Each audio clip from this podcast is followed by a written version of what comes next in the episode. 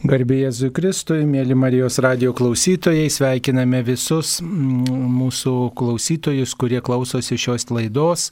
Klaus drąsiai, laida transliuojama iš Kauno. Šioje laidoje dalyvauja Kauno Kristaus prisikėlimo bažnyčios vikaras kunigas Nerijus Pipiras. Garbėjai Jėzui Kristui, kunigė.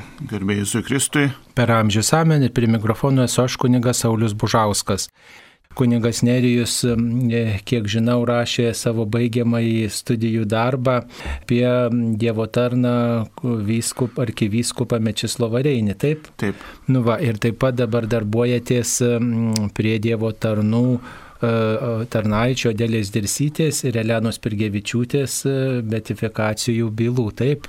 Taip. Na va, tai tikrai, mėly klausytojai, galite klausti apie šiuos Dievo tarnus, kandidatus į palaimintuosius, apie jų gyvenimą. Ir tikrai mums reikia pažinti savo tautiečius, savo kraštiečius, turbūt kunigė jūs domite šventumu ar norit būti šventas. E, šventumas yra kaip ir kiekvieno iš mūsų tikslas. Tai, A, tai, tai čia mes kitaip, visi taip galime atsakyti, bet ar norit šventas būti? Tai be abejo. Vo šito reikia, šitaip turėtumėt kiekvienas mėlyje atsakyti, kiekvienas mes turėtume norėti būti švent šventi, tai yra panašus į viešpati Jėzų. Beje, šiandien minime e, šventą Irapolą Kalinauską, kuris yra vienintelis šventasis, vienintelis šventasis, kuris e, gimęs e, Vilniuje gimęs Vilniuje, gimęs Lietuvoje, įsivaizduokit, vienintelis bažnyčios paskelbtas šventasis, aišku, yra daugybė kitų.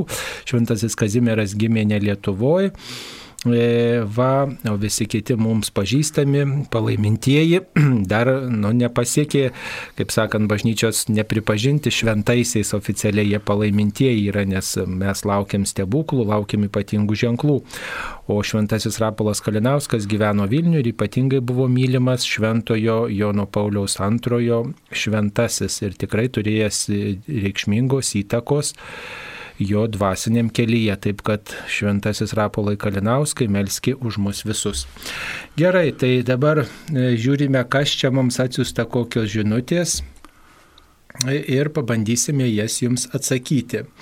E, taigi viena žinutė, kaip būtų išmintinga drąsiai išsakyti kitam savo troškimą, priimant bet kokį atsakymą kaip Dievo valią, ar tai maldoje pavesti Dievui, nebandžius išsakyti. Iš tikrųjų yra, e, kartais aš pasinaudoju ir tokią, tokią taisyklę, kai jau būna e, toks sudėtingas klausimas, tai pirmiausia maldoje, e, sakau viešpatie, duok man, duok man drąsos šį klausimą užduoti dviem ar trim žmonėm, skirtingiam ir kaip jie atsakys, reiškia tokia, tokia tavo viešpatie valia ir tikrai tas pasiteisina. Taigi manyčiau, kad E, išsakyti savo troškimus, savo klausimus kažkam tai, tai mes e, tikrai, tikrai galime ir tas kitas žmogus gali mums e, kaip ir atspindėti, atliepti Dievo valią, gali mums, taip sakant, lietuviškai paaiškinti, ko nori iš mūsų Dievas. Taigi nebijokime sakyti savo, savo troškimų, kartais galbūt ir, ir taip ir problemos įsisprendžia. Bet čia turbūt kitam sakyti savo troškimus. Va. Nu tai visada galima sakyti, tačiau reikia labai žiūrėti, kiek tas žmogus yra pajėgus išgirsti, kaip jis reaguoja, žinot, kartais savo tokius asmeniškus dvasinius išgyvenimus kitam sakai, o kitas tiesiog, žinot, kaip purvinais batais, tiesiog jis nekreipia dėmesio. Būna tai ir taip, žinoma. Labai dar širdis tada dar labiau užsiveria. Taip, silpnaregiai prašo ir būtų labai dėkingi, jei per vakarais, per Marijos radiją būtų skaitoma dvasinė literatūra Augustino išpažinimai, Tomas Mertonas, jų kitos stotys perkrautos diskusijom, o taip reikia išmintie žodžių.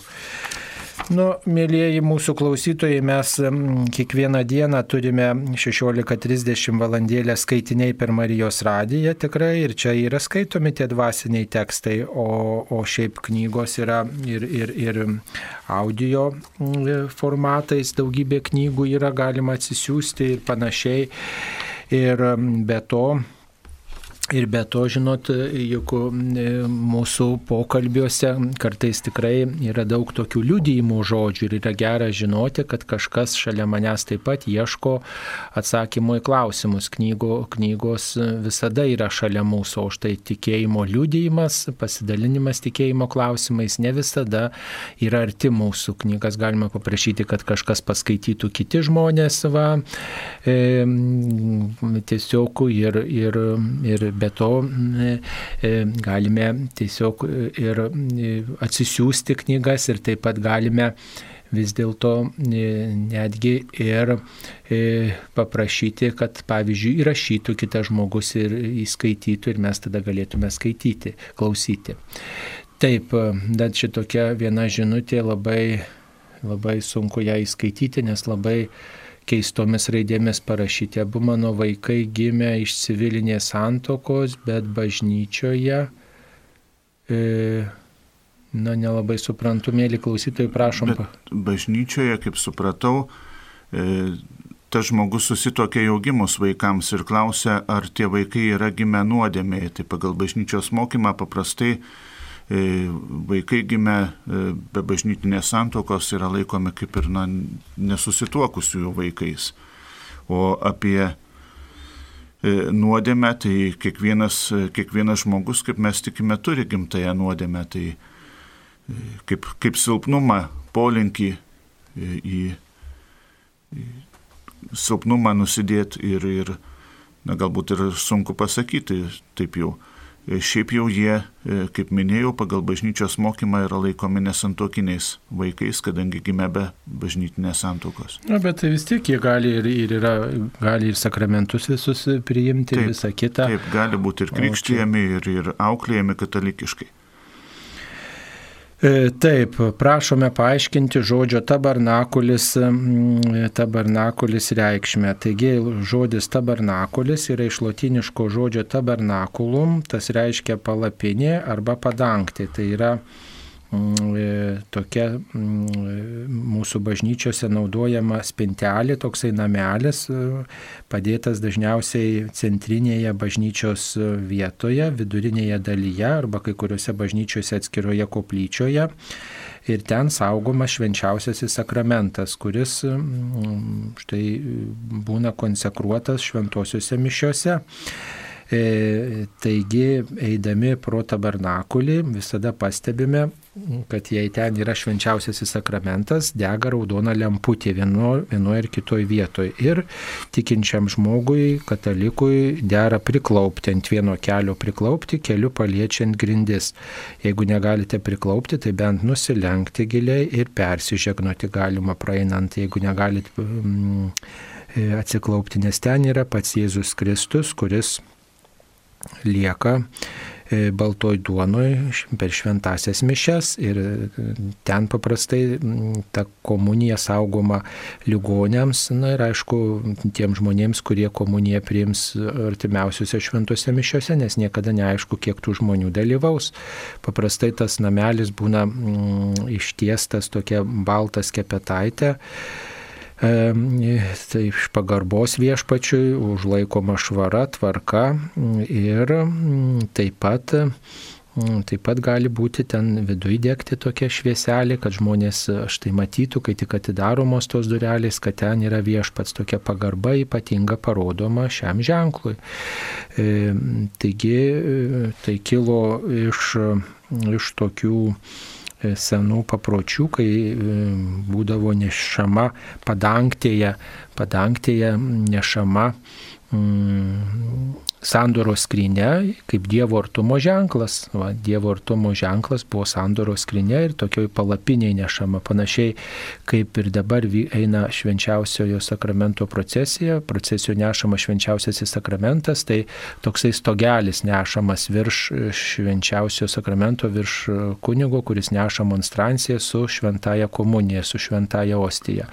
Ir tai primena tą senąjį testamentą, kad pagarba tokia išreikšta buvo ypatingai ypatinga tokia, mm, e, tokia pagarba, tokia parodoma iš žmonių pusės Dievui ir, ir kartu prisimenami labai seni liturginiai papročiai ir kartu liūdėjama ir šiems laikams, kad mes gerbėme Dievą ir kad viešpats mus lydi, mus saugo, mus apgaubė. Taip mums paskambino. Paulina iš Veiviržėnų. Tai Paulina, klauskite. Garbė Jėzui Kristui. Čia Per amžius amen. Sauliu ponu Božausku kalbu, taip? Taip, visiškai teisinga ir taip pat yra Nerijus Pipiras. Taip, aš jūs labai myliu už tai, kad jūs labai viską aiškiai išaiškinate ir tiksliai. Mano toks klausimas. Aš 66 buvau e, nu, susirašius, susituokiusi bažnyčioj, du vaikučiai man augo ir suprantat, aš gyvenau Kaune su vyru. Mano vyras dirbo inžinierium, aš paprasta dažytoja. Ir mano tėveliai labai susirgo mamytė. Mes su vyru sutarėm, kad aš galiu vykti pas mamytį, slaugyti su visais vaikučiais. Nu ir mane vyras atvežė ir aš išslaugiau savo mamytį labai sergančių metus laiko. Ir mano vyras vis pas mane kiekvieną penktadienį atvažiuodavo visus metus. Ir paskui po metų gražią dieną jis man pareiškė taip, mažutė aš tave myliu, vaikučius myliu. Bet man sako, aš jau pavargau važinėtis. Man sako, reikalingas kiekvieną dieną seksas. Nuskirkis, sakau. O jisai sako, kaip tu taip staigiai skirkis, visas sako, takis iškabins. Nu kaip sakau, gyvenimas krypsta, krypsta, trumpas, plonas, skirkis, viskas, jeigu tau reikalingas. Man sakau, nereikia man užtenka vaikučių sauginu ir tėvelis brangius. Aš sakau, tėvelių negaliu palikti, nelaimiai. Vyras, sakau, aš visada galiu surasti, o mamos nesurasiu. Na ir viskas, taip mes įsiskyrėm. Ir aš vienu žodžiu po keturių metų ištekėjau už antro vyru. Pagyvenau kiek, nu, gal kokius pusę metų ir aš sapnuoju Jėzų penktam aukšte nukryžiuotą su tokiais dideliais, dideliais lenciūgais. Jisai man ir sako, aš už jūsų, sak, nuodėmės esu nukryžiuotas, o jūs, sak, paleistumaujat. O Dieve, aš atsikėliau iš to išgaščių. Galvoj, nu kaip dabar yra, kaip suprasti. Vyras sako, nu gulkis, ką tu sapnavai, aš jam nesakiau. Sako, kašmarą sapnavai, taip. Nu, ir aš vėl atsiguliau, užmigau, staigiai pusę valandos pamiegojau, aš ir vėl sapnuoju. Marija su kūdikiu ant rankų krenta iš debesų. Aš tą debesėlį laikau, kad neiškristų. Ir Marija sako, tu sako, Jėzui Kristui, mano sūnui, prisiekiai, sak šventą žodį, o tu sak ištekėjai už kitą vyrą. Na ir ką man daryti dabar? Ir aš nubėgau greitai pas ginekologą, sakau, ką man daryti. Aš taip ir taip sapnau, aš sakau, bijau mirtiną lygą, tą mirtiną uh, gyvenimą. Man Marija pasakė, tau mirtina nuodėmė. Viskas sako, nu ką dabar su tavim daryti. Aš nežinau, sakau, kad aš su vyru greit išsiskirčiau, aš nebegaliu gyventi, aš bijau mirtiną nuodėmę. Mhm. Jisai sako, nu ką daryti? O taip sakau, parašykit man tokį pažymą, kad aš su juo lietiškai negaliu santykiauti. Jis man netitinka. Gerai, saktų, bėg parašy pareiškimą, tokį pažymą.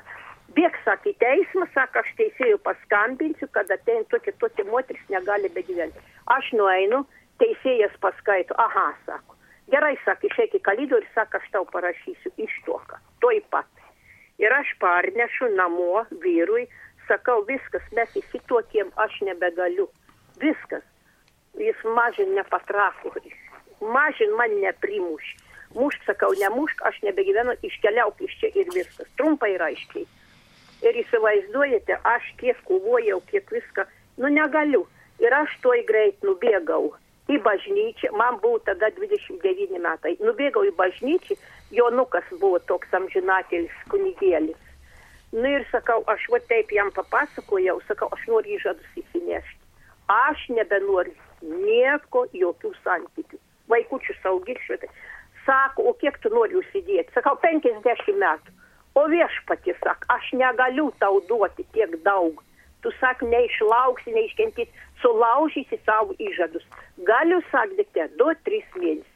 Nesakau, 50 metų ir viskas.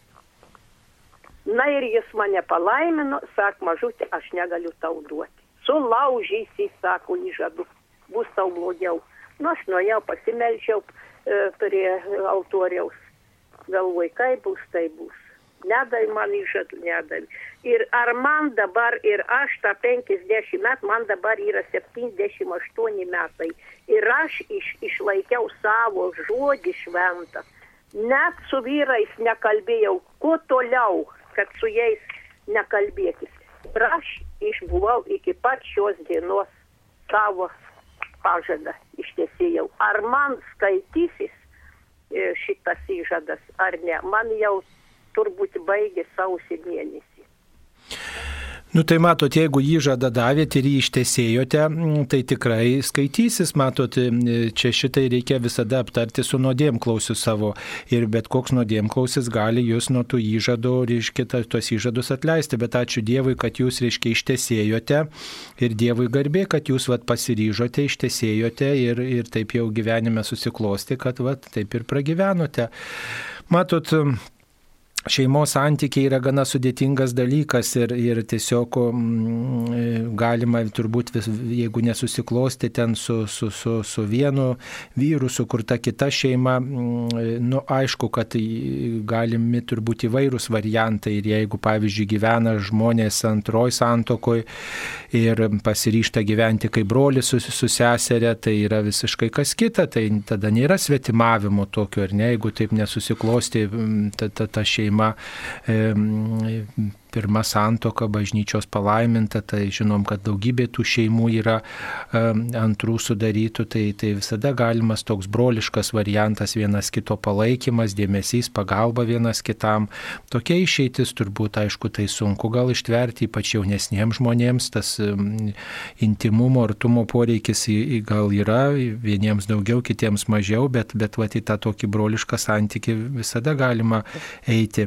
Aišku, sunku, kai, kai skiriasi tie poreikiai, intimumo poreikiai. Vienam reikia daugiau to intimumo, kitam mažiau, tada žinoma labai sunku sutarti, bet šeima turbūt yra toks ir kompromisų menas, reikia vis tiek kažkaip ieškoti sutarimo, bendrystės.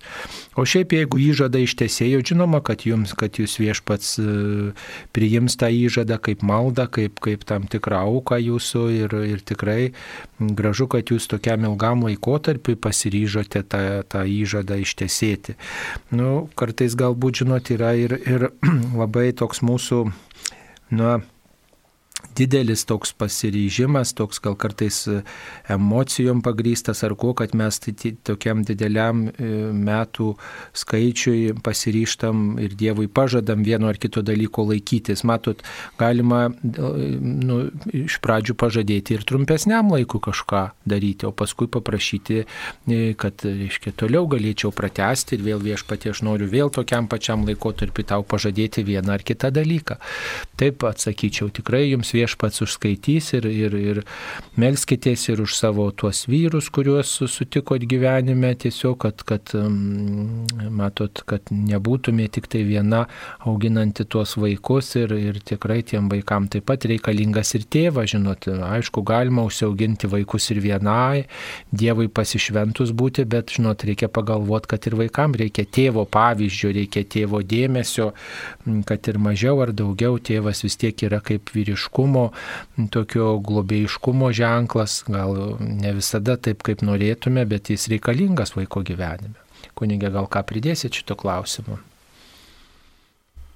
Štai galbūt e, raginčiau e, irgi lygiai taip pat kaip ir e, kunigas Saulis sakė, nedaryti labai didelių įžadų užtenka galbūt pabandyti kažką pasižadėti mėnesiui, penkiems mėnesiams, po to pasižiūrėti, kaip, kaip sekasi ir, po, ir jeigu, jeigu viskas pavyksta ir tęsti.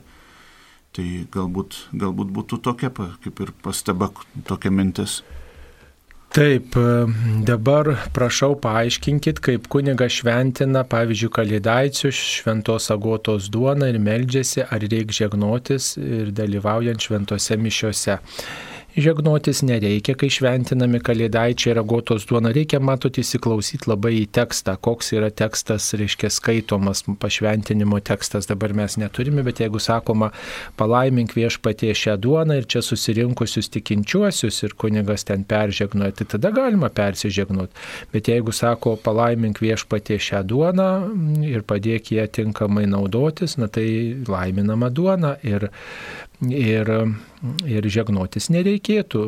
Va, paprastai tokia taisyklė. Šiaip paprastai mes žegnojamės pradėdami maldą ir baigdami maldą, lygiai taip pat ir šventosiuose mišiuose mes e, pradedam kartu su kunigu žegnodamiesi, kai kunigas sako vardant Dievo tėvo ar sunaus ir šventosios dvasios ir e, kryžiaus ženklų save paženklinam tuo met, kada kunigas laiminat. Laiminimas tai reiškia kaip ir siuntimą į misiją, kad einame kartu su viešpačiu į savo kasdienybę. Taigi per šventasias mišes šiaip paprastai reikėtų persižegnoti tik tai du kartus. Net e, nėra nurodyta, kad mes turėtumėm žegnotis prieš priimant komuniją. Aišku, yra labai graži, graži e, liaudės tradicija, bet nėra būtina. E, nu, žinot, kita vertus dabar ir taip pasakysim, kad žmonės kai kurie vat, persižegnodami taip išreiškia savo tikėjimą, pritarimą, e, tai e, tiesiog, pavyzdžiui, prieš komuniją teko matyti, kad kai kurie žmonės persižegnoja, nu, tai sustiprina jų tikėjimą, čia jūsų toks individualus būtų pamaldumas, ne kad jūsų pagarbą tą, tą, tą priimat nu, ir to, tokiu būdu išreiškėt savo tikėjimą savo, susirinkusiems, tai e, e, tai, e, tai tiesiog jūsų toks būtų privatus pasirinkimas persižegnuti. Jis visada yra kaip tikėjimo išraiška. E, va, tai taip atsakytume į, į jūsų klausimą. Taip, dabar toliau kokia žinutė. Taip, Prašau paaiškinti apie gestalto terapiją, ar galima lankyti jos kursus katalikams. Na, gestalto terapija tai yra, mm, tai yra tokia psichoterapijos kryptis, kuri mm, skatina žmogaus samoningumą. E, na, e, kiek teko girdėti, tai yra mm, Amerikoje kilusi tokia terapija kuri e, skatina sąmoningai prisiminti, kurios metu sąmoningai prisimenama, reiškia, na, to paciento, kaip pasakyti, to žmogaus, kuris ateina šios terapijos, prisiminti vaikystę ir, ir tiesiog nagrinėja, kaip ta vaikystė, kaip ankstyvi tie mūsų patyrimai veikia mūsų, mūsų, veikia mūsų dabartį. Tiesiog taip. Va, ir čia e, truputėlį yra e, toks metodas taikomas, kad štai mūsų ankstyvi tokie patyrimai turi reikšmės visam mūsų gyvenimui. E, na, tai tikrai nekenkia katalikams ir tikrai galima naudotis šios terapijos E, taip sakant, e, privalumais šios terapijos tokiais, e, tokiu poveikiu, jeigu nėra, žinoma, pasitelkiama ir kažkokios kitos technikos, rytietiškos kažkokios technikos, nes kartais gali būti jungiama su kažkokiais kitais metodais. Tai Tai tikrai taip bendrai atsakyčiau, nebent kunigė, ką pridėtumėte. Aš galbūt pridėčiau irgi e, bendrai pasakydamas ir galbūt kažkiek ir nuramindamas, kad e, katalikams nėra nuodėmė lankytis pas psichologą, pas, e, pas psichiatrą, tai iš tikrųjų padeda matyti, matyti savo gyvenimą, galbūt iškelti į viršų savo problemas, kurios, kurios buvo ar vaikystėje, ar kažkur kitur, kur, kur mes mes nematom, bet jos, jos turi būti sprendžiamos, taigi e, tikrai nėra nuodėmė lankytis pas psichiatrus, psichologus. E, taip. Toliau žiūrime, mums skambutis yra, kažkas paskambino. Alfonsas iš Šiaulių. Taip, Alfonsai. Per amžius. Nesenai girdėjau per Marijos radiją tokią kalbą, tik nepasakysiu, nežinau, ar kunigas kalbėjo ar ne kunigas, kad mūsų tikėjimas viso labo yra tik propaganda. Atseit, kad mes negalime patvirtinti savo tikėjimo tiesų stebuklais. Paštai ta paštalai skelbė tiesas ir patvirtino stebuklais. Tai vienas klausimas. Antras klausimas. Jisai sako, tas kalbėtojas, kad Kristaus prisikėlimą Here kyk ne istorinė tiesa, o tik mūsų tikėjimo tiesa. Tai Mielasis, išeina, mielasis gerai, supratau, supratau. Jeigu jūs girdėjote per Marijos radiją, tai prašau nurodyti, kokioj laidoj tai buvo pasakyta, reiškia labai tiksliai įvardinti. E, Kažką kažkur kažkas girdėjo, nu tai žinot, mažą reikia ir kontekstą žiūrėti, ir, ir laidą konkrečią, ir tada galim komentuoti. Ta, ką jūs čia sakote, aš e, negirdėjau, e, gal pražiūrėjau kažką, gal, gal kaip, bet reiškia reikia konkrečiai nurodyti, tada galime, galima svarstyti ir klausti to paties e, kalbėtojo, kuris štai tokią mintį yra pasakęs. Aišku, kad yra visokių tų įžvalgų, net ir, ir teologai netgi kartais ir tą Kristaus prisikėlimą įvairiai traktuoja, tai, mm, tai, bet tai nėra oficialus bažnyčios mokymas. Tai matot, Marijos radijas nėra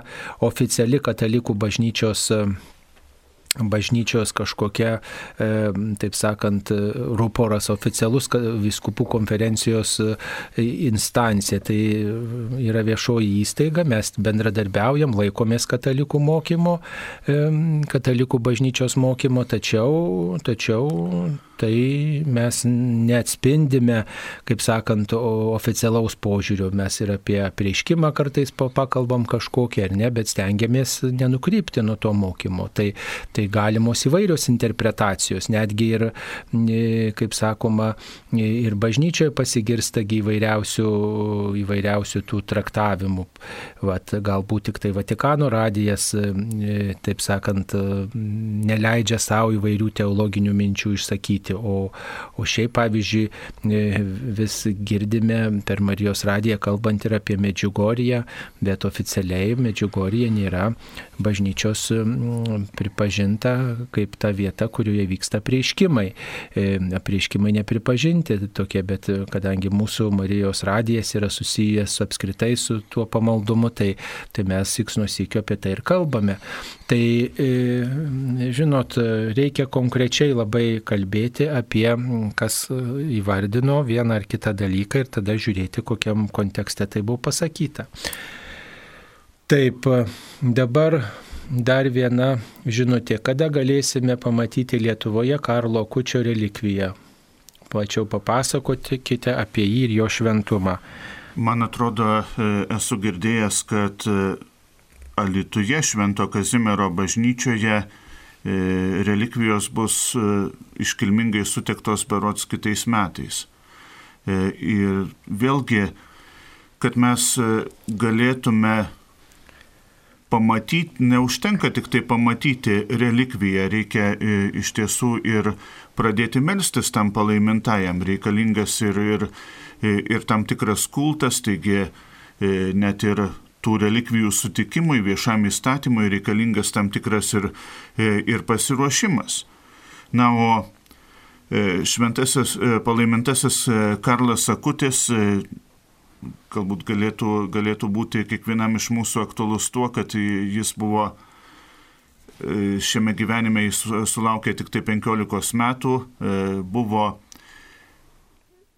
normalus paauglys, galima sakyti taip, e, labai mėgo kompiuterinius žaidimus, tačiau net ir dirbdamas prie kompiuterių skleidė žinę apie Eucharistiją. Jis yra sukūręs internetinę svetainę apie Eucharistijos e, stebuklus. E, Yra labai daug e, gražių minčių, yra pasakęs, kad Eucharistija yra tiesiausias greit, e, greitkelis į dangų ir taip jau trumpai apibūdinant jo gyvenimą, jis e, buvo šiuolaikinis apaštalas, kuris, kuris gali kalbėti šiuolaikiniams e, jauniems žmonėms, daug laiko praleidžiantiems prie, e, prie kompiuterių.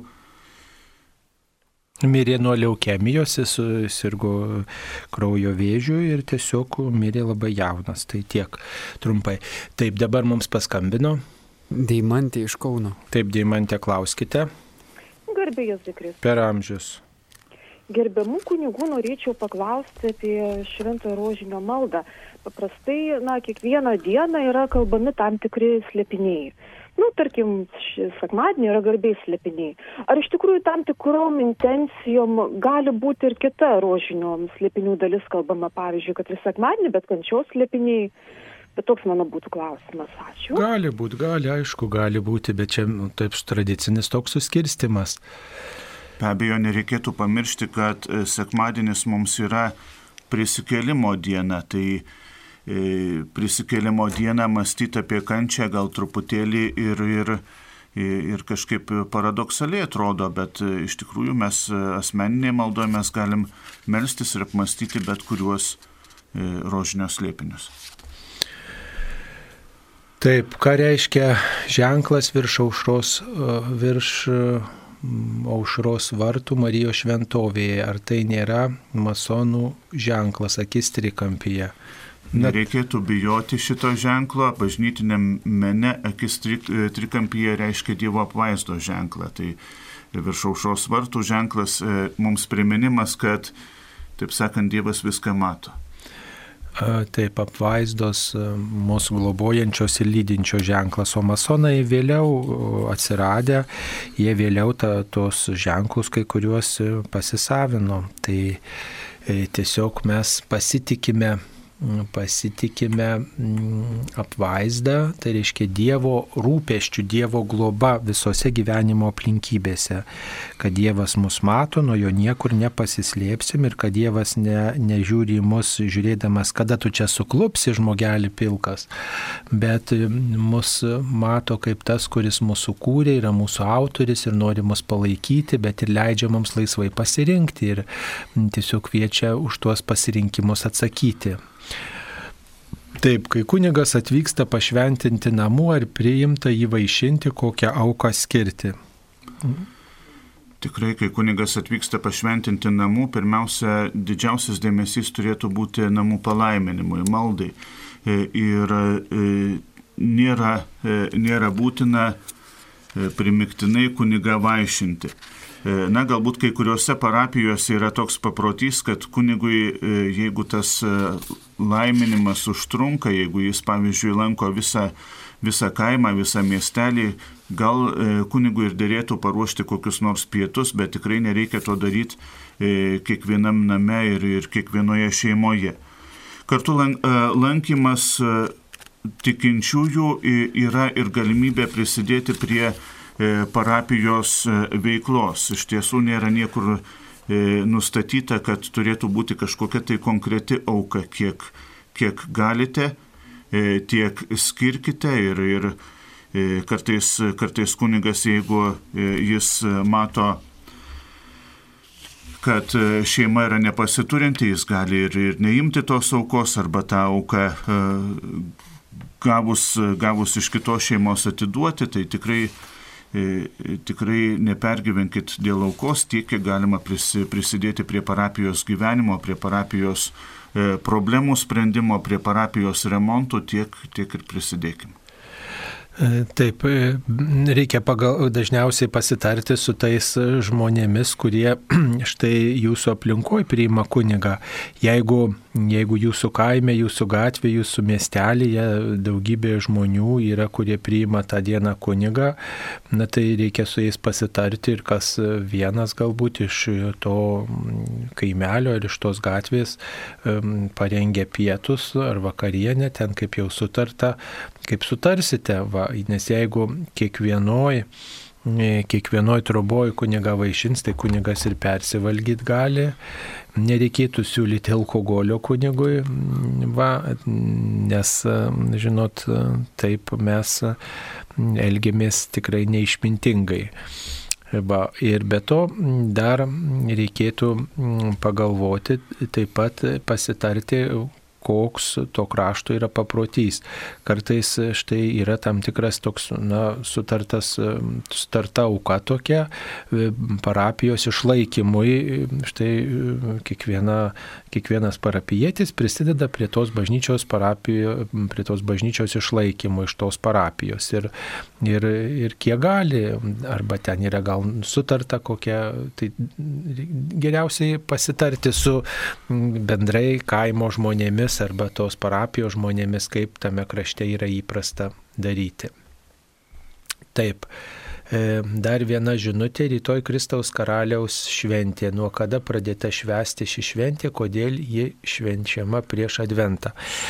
Tai, e, tai ne šventė, o iškilmė turbūt ir, mm, ir švesdami šią dieną mes pagerbėme Kristų, kuris yra visos uh, visatos valdovas. Ir jinai švenčiama ne tiek prieš adventą, kiek na, užbaigiant, užbaigiant liturginius metus. Taip, adventas yra nauja e, liturginių metų pradžia, taigi šviesdami Kristaus karaliaus dieną mes, mes užbaigėme liturginius metus ir po jos pradedame minėti iš naujo įvairias, e, įvairius tikėjimo įvykius, tikėjimo paslaptis ir juose gyvai dalyvaujame.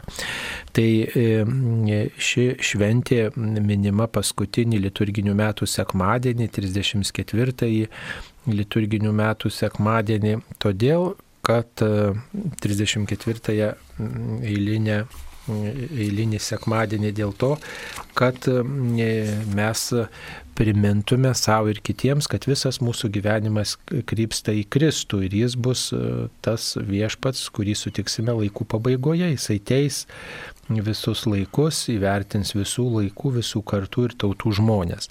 Ir ši šventė pradėta švęsti 20-ojo amžiaus pradžioje kai tiesiog kilo tas modernizmo, ateizmo, sekularizacijos pavojus. Pati pradžia buvo ir popiežius Trudopijus XI paskelbdamas enciklika e, priminė apie Kristaus autoritetą, kad Kristus yra e, autoritetas ir, ir valdovas, ir žmogiškumo matas, ir bendrai tas pavyzdys ne tik tai žmogui, ne tik tai bendruomenėms, bet ir įvairioms institucijoms. Ir taip atsirado e, Kristaus karaliaus šventė, o vėliau ji buvo kaip tik tai perkelta į paskutinį liturginių metų sekmadienį. Aišku, tas Kristaus karališkumas Bažnyčios liturgijoje minimas ne tik tai kaip valdovo, kaip to šeimininko, bet kartu ir primenant, kad Kristaus sostas yra nuo kryžiaus. Kristus valdo ir eina į tą valdovo tokį krėslą tarnaudamas, jis nusižemindamas, būdamas kartu su vargšais. Ir, reiškia, jo sostas nėra tik tai auksų išdabintas, bet eina per kryžių, vat, per kryžių, per nusižeminimą, per kuklumą. Tai tokia šios šventės prasme. Taip, dabar mums paskambino. Marija iš druskininkų. Taip, Marija, klauskite. Garbėsiu Kristus. Per amžius. Aš noriu paklausti tokį klausimą. Čia anksčiau man mergaitė iš Vilniaus iš ekskursijos parvežė tokį mažą ražantėlį vienos dalies. Jis labai gražus ir jis pas mane buvo nu dabar kai jau aš pasenau tai jis man labai ir patogus ir aš kai žiūriu turkų filmus tai ten to, musulmonai ten ant rankos visus užsinėrė tokį mažą rožantėlį. Aš klausiu, ar jis man, mums tinka, ar aš galiu su juo melstis, jis man labai gražus ir patogus ir labai mergaitės dovana. Taip, mieloji, pasakykite, kiek ten yra karoliukų tame vėrinėlėje. Ten vien dešimt karoliukų ir šitas. Ir kryželis. Marijos kiba ženkliukas per vidurį. Nu tai viskas, tai jūs galite melstis. Taip, tai šitas dešimt karoliukų vėrinėlis primena dešimt e, sveika Marijų, vieną, vieną slėpinį primena, ar ne? Ir jeigu norim, norim sukalbėti vieną dalį rožinio, tai reiškia penkis kartus tą vėrinėlį varstome rankoje. O musulmonų e, nėra kryželio, visų pirma, nėra jokio Marijos ženklo, yra toksai, na tokia, kaip sakyti, toks kutosėlis, tokia to, tokia siūlų dekoratyvinė pinė gale ir ten yra visai kitas skaičius, ten berots yra 33 tie karoliukai. Žodžiu, tikrai naudokite ir melskitės ir prašykit Marijos užtarimo. Tikrai nieko bendra neturi, nu kaip kilme tai šiek tiek turi, bet, bet padarytas visiškai kitų tikslu. Taip. E, dar viena žinutė.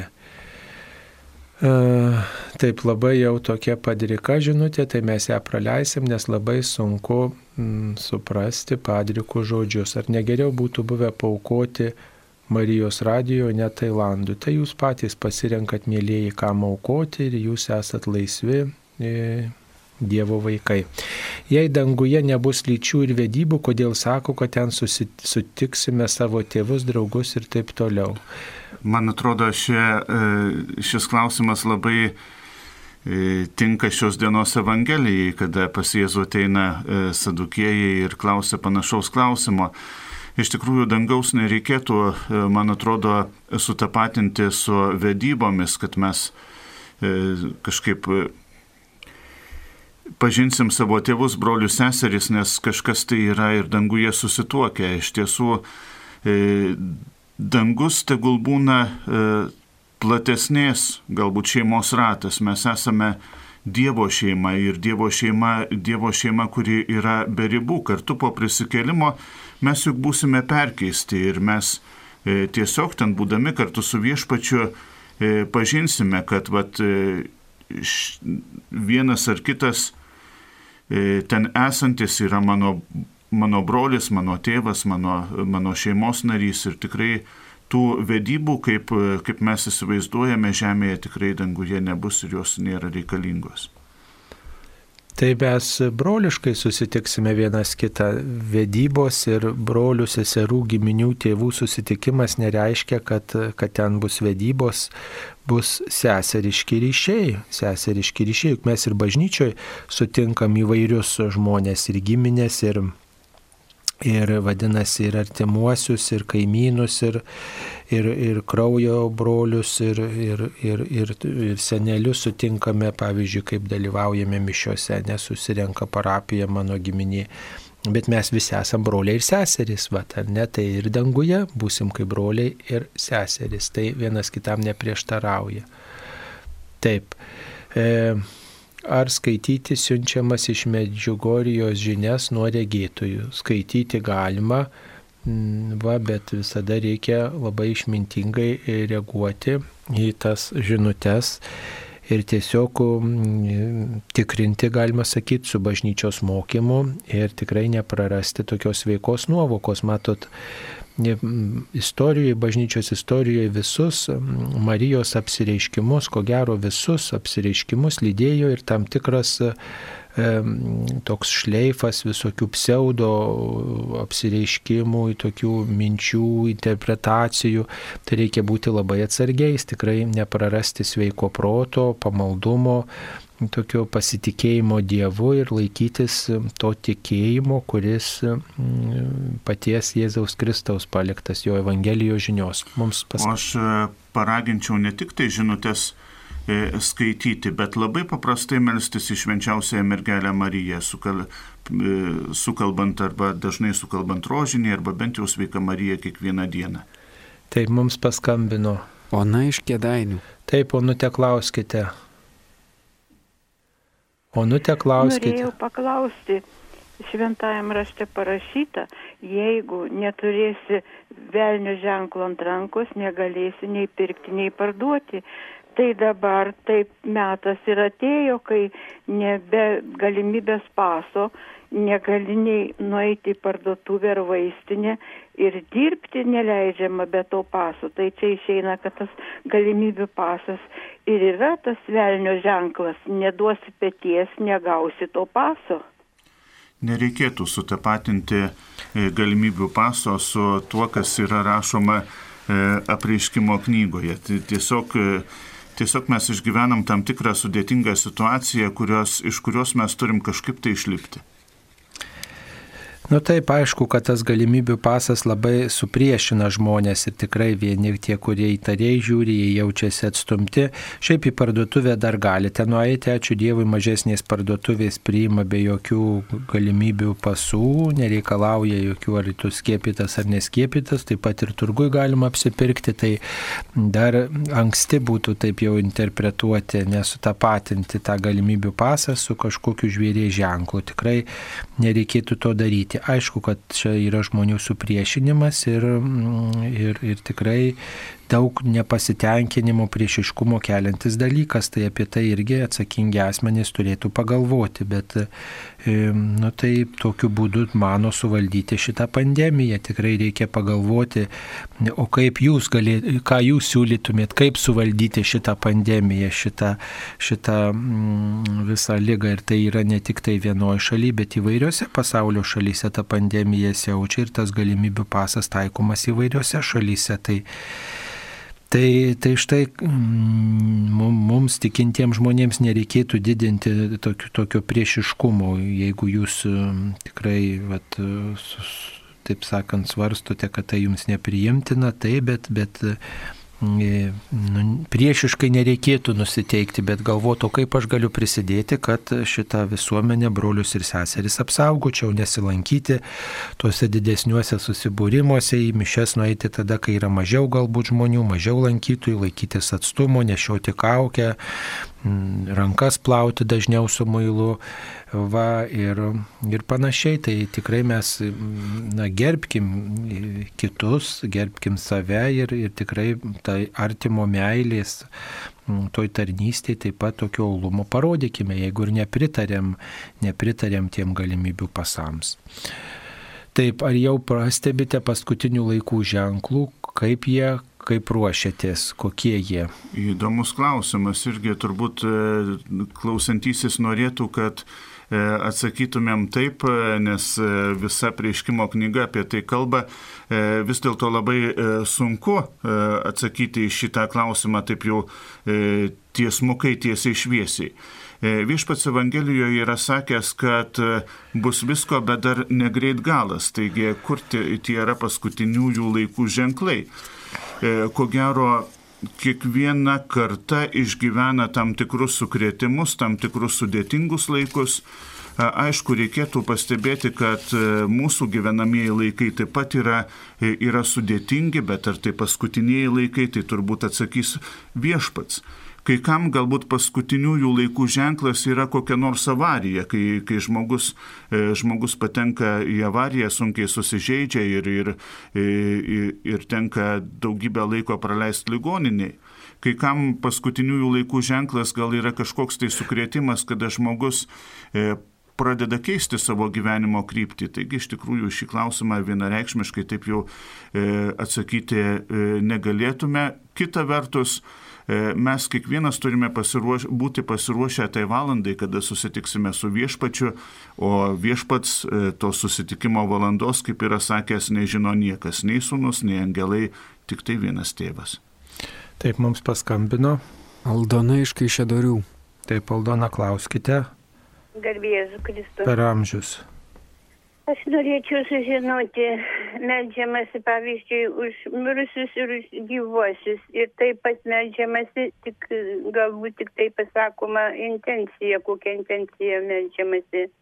Ar čia teisingai ar ne? Taip melstis. Nu tai aišku. Nes pavyzdžiui, rožinį medžiamės taip pat kaip ir už gyvuosius ir už mirusiuosius. E, tai taip ir reikia melstis įvardinant intenciją ir už gyvus ir mirusiuosius. Mato, tas intencijos įvardinimas yra labai reikalingiausias turbūt mums. Aišku, Dievui mes įvardinam ir pavedam tą, tą žmogų ir, ir tiesiog, ir, ar jis būtų gyvas ar miręs, parodom savo rūpestį, tokiu būdu išreiškiam savo valią, savo požiūrį, savo tikėjimą, savo santyki bet dažnai viešpats mato mūsų širdis. Vat, ir ta, tas maldos gyvenimas, tas, e, tas e, įvardinimas, už ką melžiuosi, turbūt svar, daug svarbesnis mums yra, ne, kad mes tiesiog nu, parodytume savo, įvardintume savo, ne savo santyki, savo kryptį. savo, savo požiūrio, ne, kaip mes vertiname, ne Dievas mato mūsų širdis ir kartais galbūt žinot, sunku netgi yra apriepti visas tas intencijas, visus tuos žmonės, išvardinti, išsakyti visą tai, kas, kas širdį gyvena. Tai tiesiog, žinot, kartais galbūt ir tėvė mūsų sukalbant arba tą rožinį sukalbant ar vieną dalį, ar visą virinėlį sukalbant, e, tiesiog pavedam, įpinam visą tai, kas mums rūpi, žinot, ir, ir Ir, ir tai apima ir gyvus, ir mirusius, ir viską, net ir neįvardinant kartais tų intencijų. Tiesiog mes gyvenam maldos gyvenimą, viešpatė tu matai, kam šią valandą mano malda reikalingiausia yra. Aišku, jeigu mes prisimam įsipareigojimą melstis už gyvą, kažkas paprašė, mes pažadėjom, nu, tai tada tikrai reikia tą įvardinti ir pasakyti savo ir Dievo akivaizdo ir privačiai, ar kaip. Bet, bet šiaip melžiantis, tai, žinot, minime mes tuos žmonės, taip juos mylime, bet net ir neįvardinus, tai yra malda už juos visus, mūsų santykis išreikštas Dievo akivaizdoj tiem žmonėms. Gal dar kunigė ką pridėsite? Taip, dabar dar žiūrim, kokios žinutės mums atsiustos. Sveiki, kodėl reikia šventinti namus, būtus ar užtenka tik vieną kartą? Kunigas ateidamas į būtą pirmiausia, pirmiausia laimina jį, e, trokšdamas, kad e, čia ateitų pats Kristus, kuris, e, kuris taip pat nori, kad, kad visi mes būtumėm laimingi. Tai kaip paprastai palaiminamas naujas būtas. Iš tikrųjų, galbūt ir, ir, ir užtektų tik tai vieną kartą palaiminti, bet tas palaiminimas reikalingas mums mums nuolat priminimas to didžiojo, didžiojo Kristaus troškimo, kad mes būtumėm laimingi, būdami kartu su juo. Kartais Kristų mes savo, e, savo kasdienybėje ir pamirštam, taigi e, reikėtų nuolat prisiminti jį, keliauti kartu su juo ir malda, kurią, kurią kunigas e, kalba laimindamas šeimą, laimindamas būtą, yra labai, labai reikalinga, kad čia būtų daugiau santarvės, daugiau to šviesos, daugiau vilties, taigi tikrai e, galima laiminti e, būtus ir, ir ne vien tik tai vieną kartą, kai kunigas, kunigas pasila, apsilanko, tikrai galima laiminti būtą tai tokia padėka yra Dievui už jūsų namus, padėka, pavedimas Dievui šitos erdvės, kad čia štai gyvensime, bet dėkojam Dievui, kad tą būstą įsigijome ir prašom, kad viešpats laimintų visus mūsų namiškius, svečius, visą gyvenimą, kuris vyks tarp šitų sienų. Ir žinom, kad kartais gal pasitaiko ir barnių, ir, ir visokių tokių netinkamų pasirinkimų iš mūsų širdžių ištrykšta ir nuodėmių, visokių ir žodžių negerų, ir, ir elgesio būna netinkamo, tai savotiškai prašydami palaiminimo savo namams mes taip pat ir savo santykiams prašome darno sutarimo. Tai toks paprotys yra turbūt e, bent kartą metuose, kadangi mes kasmet minime įvairius tikėjimo įvykius, tai jeigu yra tokia galimybė, e, tai paprašom, pavyzdžiui, kad kartą metuose kunigas aplankytų mūsų namus ir e, yra tokia klebono pareiga kartą metuose apsilankyti tikinčių žmonių namuose Tai kaip jie gyvena, susipažinti, pabendrauti jų aplinkoje, pabūti kartu. Štai galbūt žmogui tada drąsiau yra kažko paklausti, kažko pasidalinti, kažką papasakoti. Mm, tai ir tuo metu gali būti tas būstas ir pašventintas. Mums paskambino. Teklė iš telšių. Taip, teklė. Per amžius. Atla, jūs ten nuostabus kunigai esate, labai noriu paprašyti, paprašyti tokių dalykėlių. Kada? Taip, prašykite, mėloji. Taip, klausome. Kada šitą paruošit šitą naują tą programą naujoj studijoje. Būkit geri. Būkit geras, gerbiamas Sauliau, įdėkit šitą Dievas mūsų prieglauda, kiekvieną sekmadienį prieš mišęs būkit geri. Aš aną kartą girdėjau, kad gėdoji, tai žinokit, ašarą ir srėdėjau iš to džiaugsmo.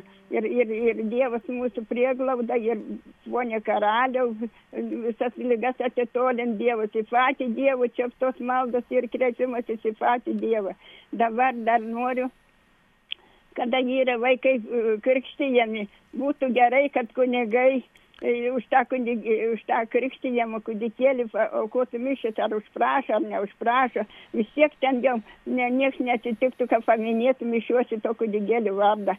Tai labai geras žmogus auga, čia yra praktika, yra tai praktika patvirtinta. Tai tie, tie vaikučiai, vaikučiai, kurie pakrikštyti krikšto dieną, jie labai geri žmonės užauga, net kunigai paskui išeina kunigus. Taip, šitą, ačiū ir, Jums, ačiū ir kada, Jums. Ačiū Jums, ačiū labai už šitą, šitas mintis. Tikrai skamba, Dievas mūsų prieglauda ir stiprybė skamba reguliariai mūsų eteryje ir taip pat kitos giesmės, kurias Jūs minite ir tos, kurių net ir neminite.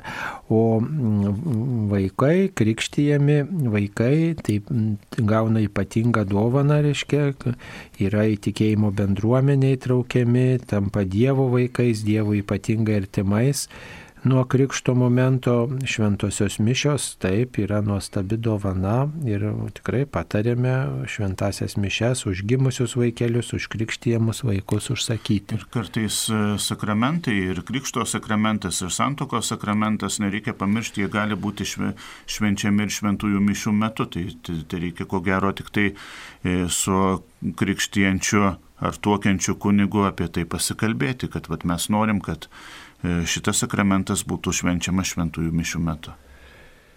Taip, dabar dar vienas klausimas, kiek Lietuvoje yra šventųjų, gal žinote, kaip prašyti jų užtarimo, ar vieno, ar visų, ir kaip melstis.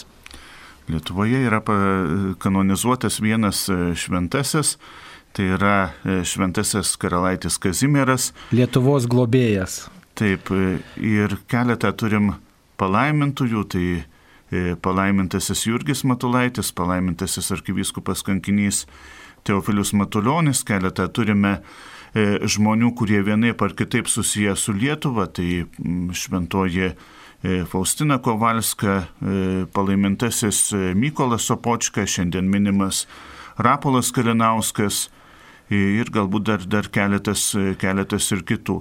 Aišku, mes galim kažką tai įskirti ir šventas, pavyzdžiui, sakyti šventasis Kazimierai Melski už mus, bet taip pat nėra jokios nuodėmės, kad, kad sakytumėm ir taip visi Lietuvos kankiniai visi Lietuvos palaimintieji, kurie susiję su Lietuva vienaip ar kitaip, melskite už mus, melskite už mūsų tėvynę Lietuvą, melskite už mane. Tai, tai tikrai nėra,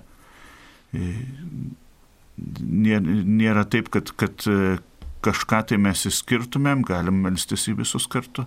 Matot, jeigu domitės jūs kiekvieno to palaimintojo ir šventojo istoriją, pamaldumu į jį, tai yra daugybė maldų.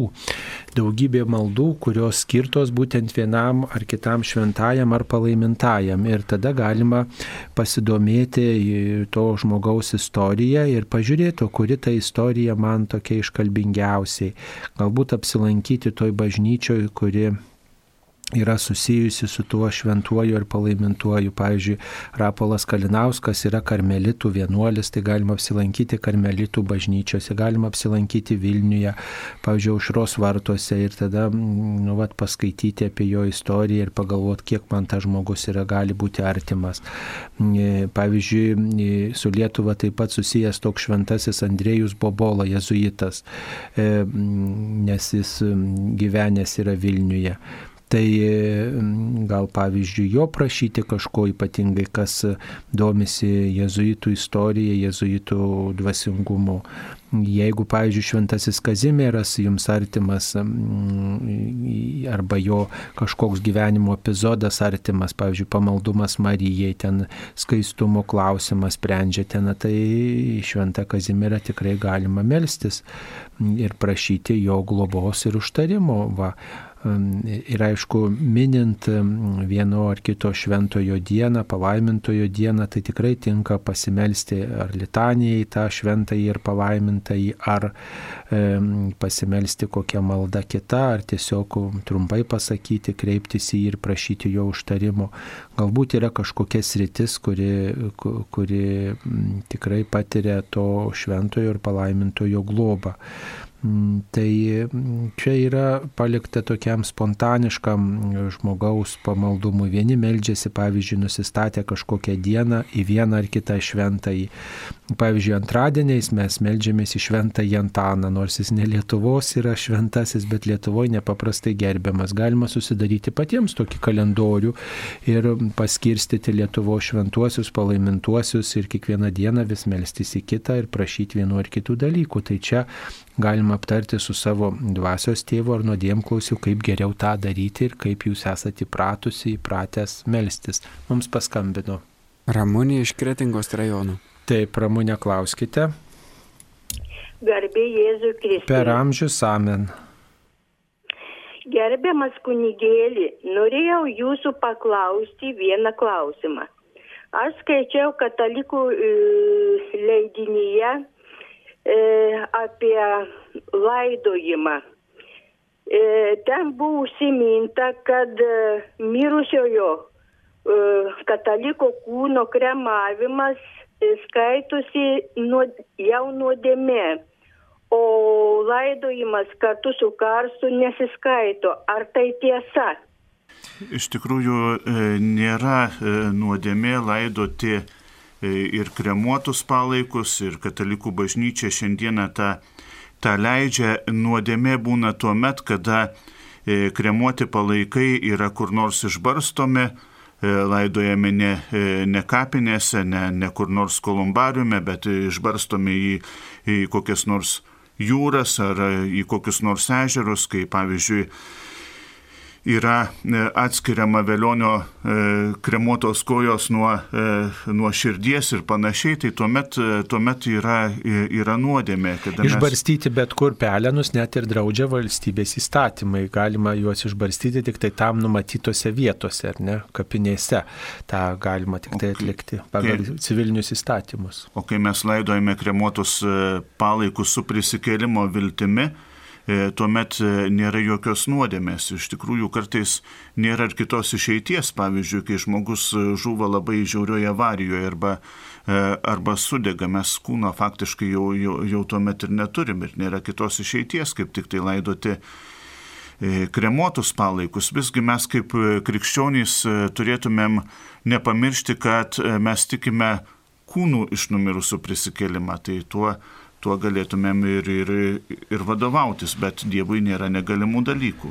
Bet šiaip katalikiškos krikščioniškos laidutuvės visuomet tokį prioritetą teiktų mm, laidu, žmogaus laidojimui su žmogaus, kuris paguldytas karste. Reiškia, nekremuoto, nekremuotų palaikų laidojimo, bet mm, tiesiog paguldyto velionio į karstą tokio, tokioms laidutuvėms teikiama bažnyčioje tarsi toks prioritetas, palaikomos to, tokios laidutuvės ir skatinamos, nes tai yra labiau išreiškia tą e, kūno iš numirusių prisikėlimo tiesą. Galų gale pats viešpats Jėzus Kristus buvo taip palaidotas, jo kūnas paguldytas kapė nebuvo sudegintas, nes iš esmės žmogaus deginimas yra jo naikinimas dar kartą. Ne? Na tai čia dabar dabar prisidengiama, kad taip yra patogiau, e, mažiau žemės neva tai. E, ir taip pat dar yra toks vienas aspektas, kad žmonės labiau išgyvena gedulą, labiau tą atsisveikinimą tokį išgyvena, kai laidojamas e, žmogus paguldytas karste, bet nekremuoti palaikai. Yra toks anonimiškumo, čia toks nutolinimas, išstumimas to žmogaus atminimo ir tokio santykio su juo nu, netinkamas išgyvenimas, o tas užslėptas gedulas arba neišgyventas gedulas tikrai mūsų santykiams, mūsų tokiai žmogiškai raidai e, tikrai nepasitarnauja. Jūs girdite Marijos radiją. Na dar viena žinutė. Kas gali padėti įsigyti liturginį maldyną Lenkų kalba? Tai turbūt e, Lenkai, Lenkų parapijos arba e, knygynai, kurie, kurie prekiauja liturginiais maldynais Lenkų kalba ypatingai galima be problemų, aš manau, įsigyti tų maldynų Vilniuje prie, prie aušros vartų. Ir taip pat Vilniuje Šventosios dvasios bažnyčioje yra ten toks knyginėlis ir ten įvairios literatūros, maldingos literatūros lenkų kalba yra. Tai tas, kas gyvena Vilniuje, paprašykite, jums nupirks ir tikrai perduos maldyną lenkų kalba. E, kaip suprasti, kad be Dievo valios nei plaukas nuo galvos nenukris, jis duoda mums pasirinkimo laisvę, bet tas posakis sako, kad Dievas viską mumise tvarko. Tai be abejo, Dievas duoda mums pasirinkimo laisvę, bet jis jau, e, jau žino, kas e, su mumis atsitiks mums pasirinkus. Mes kartais stovime kryškeliai, bet, bet Dievas žino, jeigu mes pasuksim į kairę, pavyzdžiui, tai prieisim kokią, kokią nors e, kokią nors gyrę, jeigu mes prieisim, e, pas, pasirinksim dešinę, mes prieisim karaliaus rūmus ir taip toliau. Dievas žino galimybės, kurias mes, mes įvykdysime pasirinkę vien, vienur ir kitur. Ir jis apsaugo mus nuo pavojų. Jam patys brangiausia esame mes. Taip, O ar Dievui reikalingi tarnai? Gal Dievui labiau reikalingi ne tarnai, o draugai, bičiuliai, bendražygiai ir ar iš vis įmanoma tarnauti Dievui? Gal tie, kurie tarnauja Dievui, iš tikrųjų tarnauja ne Dievui, bet institucijai, organizacijai, katalikų bažnyčiai, klausia Edmundas. Numatot, kaip yra. Dabar žiūrėkit toks dalykas. Viešpats pasirinko 12, 12 apaštalų. Taip jisai pasakė, aš jūs draugais vadinu, nes jums viską paskelbiau, ką buvau iš savo tėvo girdėjęs. Taip labai jūs gražiai prašote, rašote, kad reikalingi draugai, bičiuliai, bendražygiai. E, bet mato, Dievas yra tas, kuris nusižemina iki mūsų, tampa mūsų draugu ir jis nori to draugiško santykio, bet jis visada bus kažkas daugiau, kažkas daugiau negu kad mūsų draugas. Jis bus didesnis už draugą, nes jo meilė yra didesnė, tobulesnė, jis labiau už mus pasiaukoja, jis labiau mus myli, negu mes galim mylėti. Jo meilė visada yra didesnė, jis yra galingesnis, va, stipresnis. Ir kitas aspektas dar yra tas, kad mes gyvendami šiais laikais, mes štai tampam Dievo rankomis, Dievo kojomis, mes jo žinę nešame, skelbėme, štai kad ir Marijos radijas yra kaip ir tas įrankis Dievo žiniai sklisti, tai ir yra ta tarnystė, tai yra ta tarnystė ir draugai vienas kitam patarnauja. Tai ir mes, štai būdami Dievo draugai, Dievo bičiuliai, patarnaujam jam, padedam jam, neždami jo žinę. E, kai kuriuose bažnyčiose, pavyzdžiui Vilniuje, e, Švento Jono teologo vienuolynė bažnyčioje teko matyti tokį kryžių, ant kurio prikalta Jėzaus figūrėlė, bet ta Jėzaus figūrėlė be rankų. Kitaip sakant, tvarkant tą bažnyčią atgautą po visų sovietinių suniokojimų buvo rasta figūrėlė, Kristaus figūrėlė be rankų.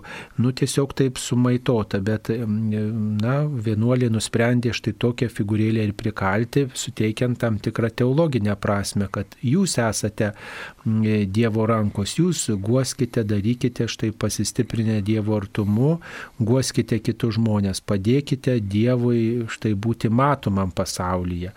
E, ir krikščionys šitą priesaką vykdo. O matom, be ne visiems labiausiai pažįstamos motinos Teresės seserys, kurios na, atsiliepė Jėzaus troškimą trokštų, jos girdė šitą troškimą vargšų gyvenime ir patarnauja Jėzui, patarnaudamos patiems silpniausiems. Tai sakydami mes tarnaujam Dievui, mes kartu ir e, e, tarnaujam, reiškia, liudydami, skelbdami jo žinę, e, šlovindami jį, reiškia, mes tarnaujam, padedam jo žiniai plisti ir kartu e, atiduodam jam garbę, liūdėjam Dievo karalystę ir kartu patarnaujam pasauliui, žmonėms, padėdami Dievo artumą suprasti. Tai tas tarnystės aspektas yra labai gražus ir labai prasmingas. Nereikėtų jo atsisakyti. Mums paskambino. Genovaitė iš Pasvalio rajono. Taip, Genovaitė, klauskite Garbėjai Jėzų Kristų. per amžius. Aš norėčiau paklausti, kaip dėl, dabar, kai sako tenai, kad žmonės apkalbėti dėl apkalbų, nu, kad yra nuodėmė, nu, ką reikia ten kalbėti, kaip, kaip kad jau žinotum, kad galima ką, tą kalbėti, kai jau tu darai nuodėmę.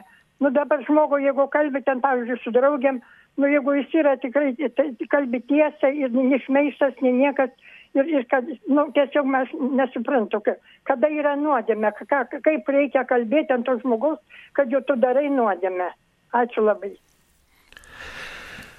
Mes nepadarysim nuodėmės, e, jeigu kalbėdami e, apie žmogų, suteiksim jam galimybę aukti, suteiksim jam galimybę pasitempti ir taip toliau. Bet e, tai yra, bus, bus nuodėmė, jeigu mes va tik tai prikaišiosim jam, kad va jisai blogai daro, kad va reikėtų taip arba anaip. Tai e, iš tikrųjų išvengtų, išvengsime nuodėmės ta prasme, jeigu, jeigu parodysim pavyzdį tam žmogui, kaip jis turėtų elgtis. Nu, Matot, apkalbos dažniausiai yra tai, kai, kai mes teisiam už akių, o jūs pagalvokite, ar jūs galėtumėte šitų žodžių šitą tekstą pasakyti tam žmogui girdint ir, ir prie to žmogaus pasakyti tą patį tekstą, kurį sakote už jo akių kitiems žmonėms. Dažniausiai tas tekstas būna neigiamas, kažkoks, kažkoks, mm, na, kažkoks aspektas, kuris toks vat, yra to žmogaus vat, ar pašiepimas, ar paniekinimas, ar, ar įdos, ar kažkokio elgesio toks sumenkinimas. Va. E, tam, kad nebūtų mūsų tas bendravimas, aptarimas kitų žmonių, e, kitų žmonių, žmonės sumenkinant, visada reikia kažką gerą pa- padėti pridėti, kažką gerą pasakyti va, apie tą žmogų, arba bent palinkėti, kad tikrai tegul tas žmogus na, būna laimingas, tegul tikrai būna jautresnis, tegul jam geriau sekasi, tegul jau tos jo kritiškas negeras elgesys baigėsi. Viešpatie duok jam išminties, duok jam šventąją dvasę tam žmogui, duok mums visiems šventąją dvasę, palaiminki viešpatie. Tai tada tada toks nebus vien tik tai kritika, vien tik tai menkinimas to kito žmogaus. Bent jau net jeigu ir būsim nusidėję apkalbėdami, tai tada ta nuodėmė nebus tokia sunki ir mes tada, na, gerą sakydami, gerą kažką pasvarstydami apie tą žmogų, mes, mes kažkaip prisidėsim prie tokio palaikymo, prie tokio laiminimo. Ir bus tam tikra tarsi ir maldos laikysena mūsų išgyventa. Va.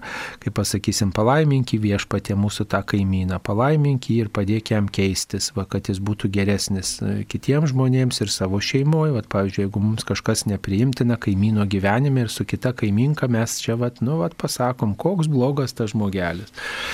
Tai, tai va toks būtų tokia rekomendacija. O šiaip tai tikrai reikėtų dar ir pridėti mums maldas už tuos žmonės, kurių gyvenimus aptarėme su trečiaisiais asmenimis. Taip.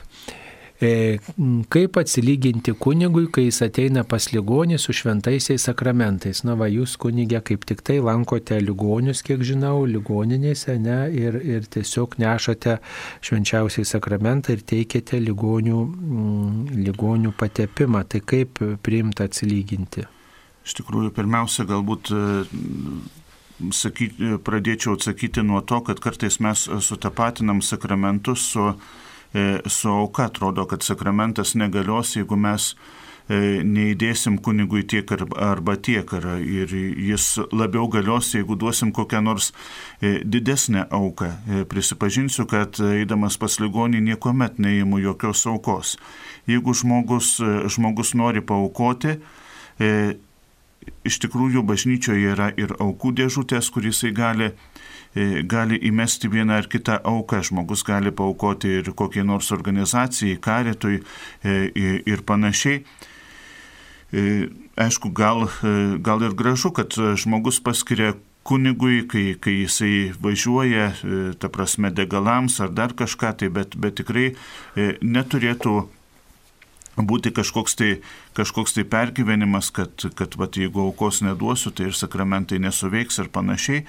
Tai svarbiausia, tegul būna e, sakramentas, svarbiausia, kad, kad e, artimasis e, žmogus nenumirtų be, be komunijos, be, be išpažinties, be, be, be ligonių patepimo. O kunigui tai yra ir pats, pats didžiausias atlygis, kai atėjus laikui su, susitiksime, kaip, kaip visada tikiuosi, su tais, kuriuos, kuriuos palidėjome ir kuriems, kuriems pagelbėjome. Na, yra toks paprotys žmogus, jeigu štai nori kokią auką palikti, tai yra jo laisvas pasirinkimas.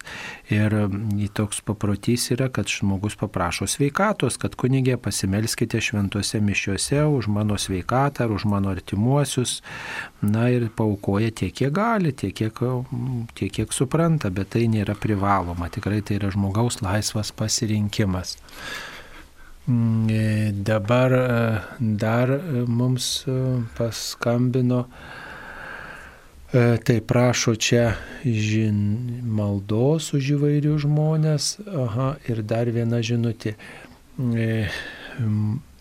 Marijos radijas viešoji įstaiga ar Marijos radijo veikla nepaženklinta imprimatorių. Šiaip imprimatorių ženklinami tik tai leidiniai yra imprimatorių, reiškia, tokių vyskupo palaiminimo, o Marijos radijas, jeigu jūs norite tos pačios analogijos, tai, tai yra viskupų pritarimas e, ir yra viskupų laiminimas. Kaip žinot, mes re, re, periodiškai turime laidą ganytojo žodis, jeigu viskupai nelaimintų, tikrai nedalyvautų tokiuose laidose, bet viskupai laimina, palaiko, domisi e, Marijos radijo veikla ir tikrai e, mes bendradarbiaujame ir, ir, ir, kaip sakoma, stengiamės atspindėti bažnyčios mokymą, tačiau tai nėra oficiali įstaiga, viskupų konferencijos įstaiga. Mes tiesiog esame nu, bendradarbiai, žinot, be esame bendradarbiai, bendrakeleiviai.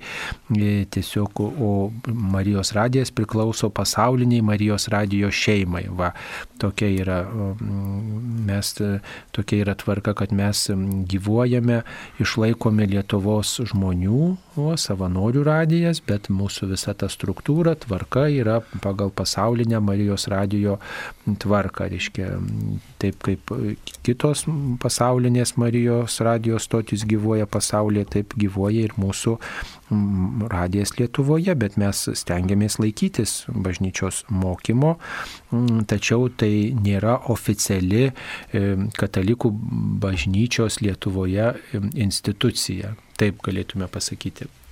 Mums paskambino. Aldona iš Kauno rajono. Taip, Aldona, klauskite. Gerbė Jėzų Kristų kunigėliai. Per amžius. Norim sužinoti, kodėl Kristus, būdamas galingas Dievas, neapsaugojo apaštalų, palikdamas savo draugus, pasitraukdamas į, į dangų, kad apaštalų liko iš, iš, išžudyti. Tik nežinau, kuris vienas Jonas telik nenužudyti. Visi buvo išžudyti, Petras, Šventas, visi. Mhm. O dabar dar kitas klausimas. Kodėl ne vienas šventasis nežinom, kur yra tas dangus, į ką mums melsi iš už tą mirusių, kad pabūti dangų, jeigu nežinom, kur tas dangus yra. Mes jūs užprašom, oi, ką man siela papauti dangų. Ir kur tą dangų papaus, kur tas dangus yra. Negalėtume atsakyti iš tikrųjų, kad dangus yra kur nors, pavyzdžiui, Krokuvoje arba Vilniui.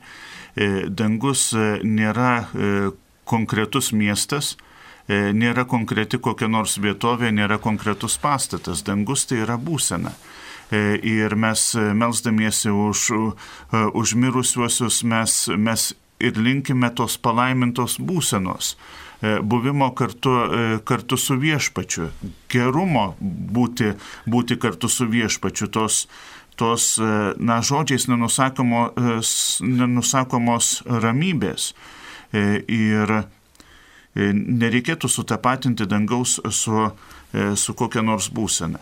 Atsakant į pirmąją klausimo dalį, tai prisiminiau ir paties viešpaties ir perspėjimą jūsų, e, jūsųgi priespauda laukia, bet nebijokite, aš nugalėjau pasaulį. E, ir tas aš nugalėjau pasaulį, jis, jis bus apreikštas, bus parodytas e, laikų pabaigoje.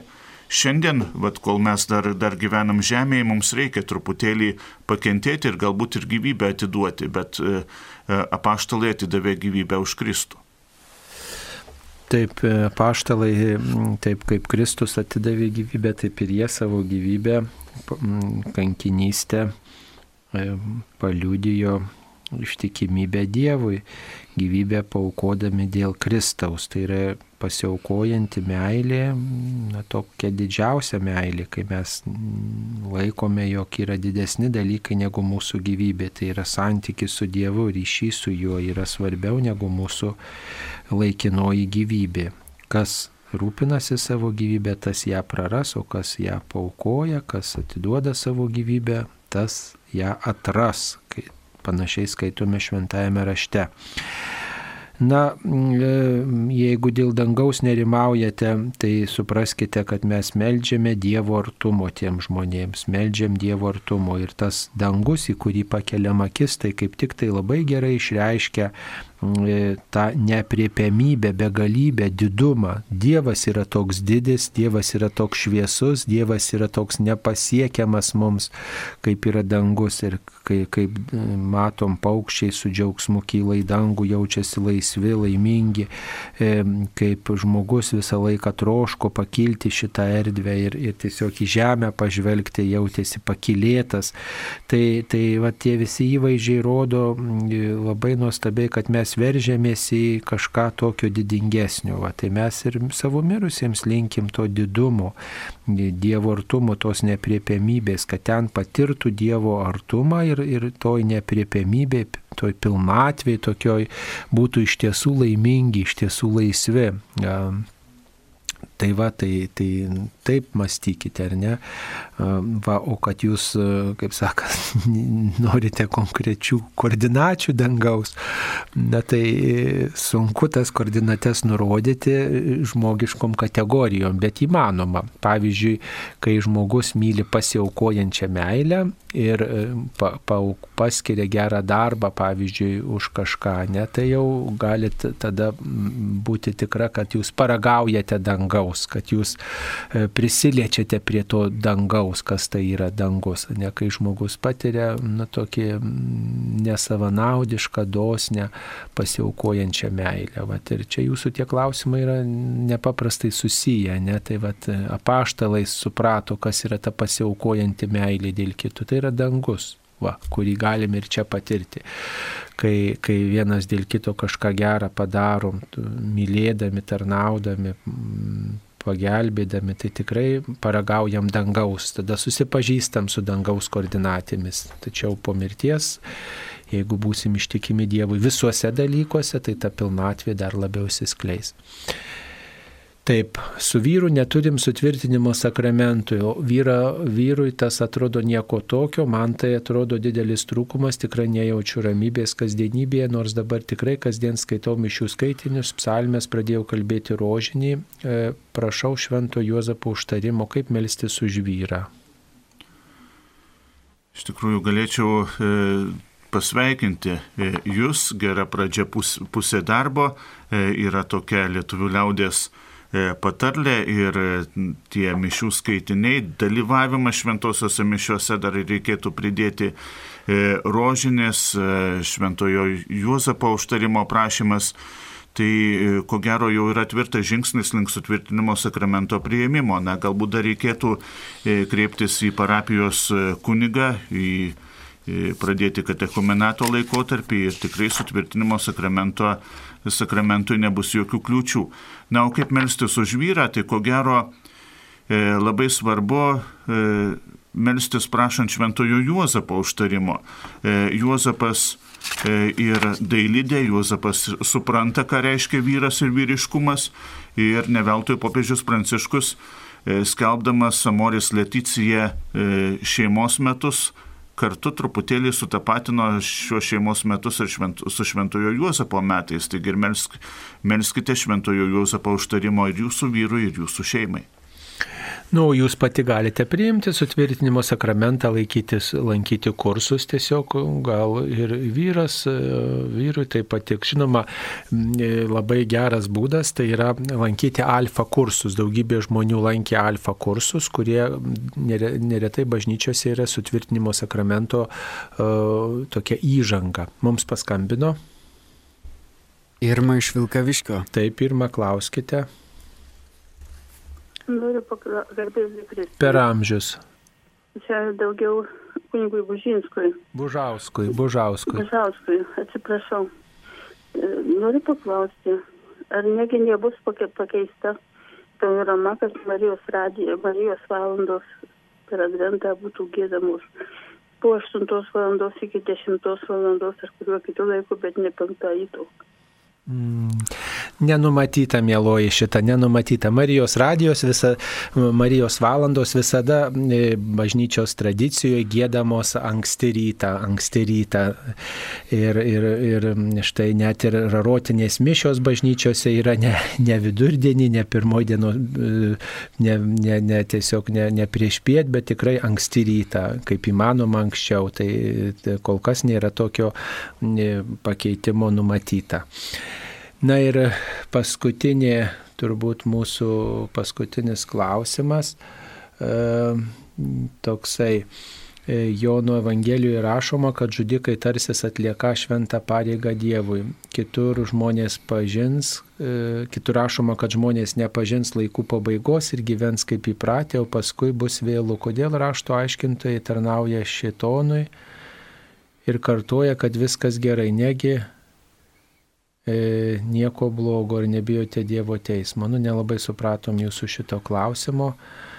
Ką čia turite galvoje? Mm, Tiesiog mm, žmonės nepažins laikų pabaigos. Aišku, kad žmonės e, nepažįsta laikų pabaigos. Matot, e, kiekvienas tas laikmetis turi savo e, įvairius iššūkius ir mes jų tiesiog kartais nepažįstame, kaip ir Kristaus laikais nepažino žmonės Kristaus kaip Dievo, taip ir dabar žmonės nepažįsta štai to kvietimo atsiversti, neperskaito nei pandemijos, em, to kvietimo atsiversti, nei kažkokių kitų iššūkių nemato kaip, kaip paraginimo neatsiversti. Tai taip galima atsakyti. Nebijote Dievo teismo. Visi turi, vis, visiems tas klausimas, o jūs, mielas klausėjai ar klausėjai, ar bijote Dievo teismo, galėtume ir jūsų šito klausti. Ne, visiems reikia neturėti nuodėmės, ne, o ruoštis atsakingai, atsižadant nuodėmės. Jeigu nuodėmės atsižadu, einu iš pažinties, tengiuosi gyventi, kaip viešpats moku, kodėl turėčiau bijoti. Aišku, nuolankiai į tą teismą einame su pasitikėjimu, gal šiek tiek su nerimu, bet o ko čia bijoti, jeigu Dievas tengiaus mylėti visą gyvenimą, tai visa, ką Dievas duos, bus teisinga. Nes jis yra išmintis, nes jis yra meilė. Ne? Ir jeigu aš bendradarbiavau su juo, tai ko man bijoti jo teismo. Net ir paskutiniai švento rašto žodžiai yra teik viešpatie Jėzau. Na, tai ir jais esam kviečiami gyventi. O juk kitoje šventojo, šventojo rašto, kitoje Evangelijos vietoje yra parašyta, kad e, ta paskutinioji diena, Dievo teismo diena, dangaus karalystės diena ateis į, į tokią kasdienybę, kokioje žmonės gyvena. Dvi, e, dvi malsvienomis girnomis e, bus ant stogo ir taip toliau. Taigi iš tikrųjų nereikėtų kažkaip tai sutapatinti, kad ta, ta karalystė bus, ateis ne į kasdienybę, ne į dar kažkur tai. Ir kartais mes norim, kad šventasis raštas būtų aiškinamas, interpretuojamas taip, kaip mes norim. Bet išmetėm iš akių tai, kad žudikai tarsis atlieka šventą pareigą Dievui, iš, išmetėm istorinį kontekstą. Juk krikščionys buvo persekiojami pagonių, kurie atrodė e, lyg ir atliekas šventą pareigą savo dievams. Ačiū kunigui Nerijui Pipirui, kuris šioje laidoje dalyvavo. Prie mikrofonų buvau ir aš, kunigas Saulis Bužauskas. Būkite palaiminti. Ačiū sudė.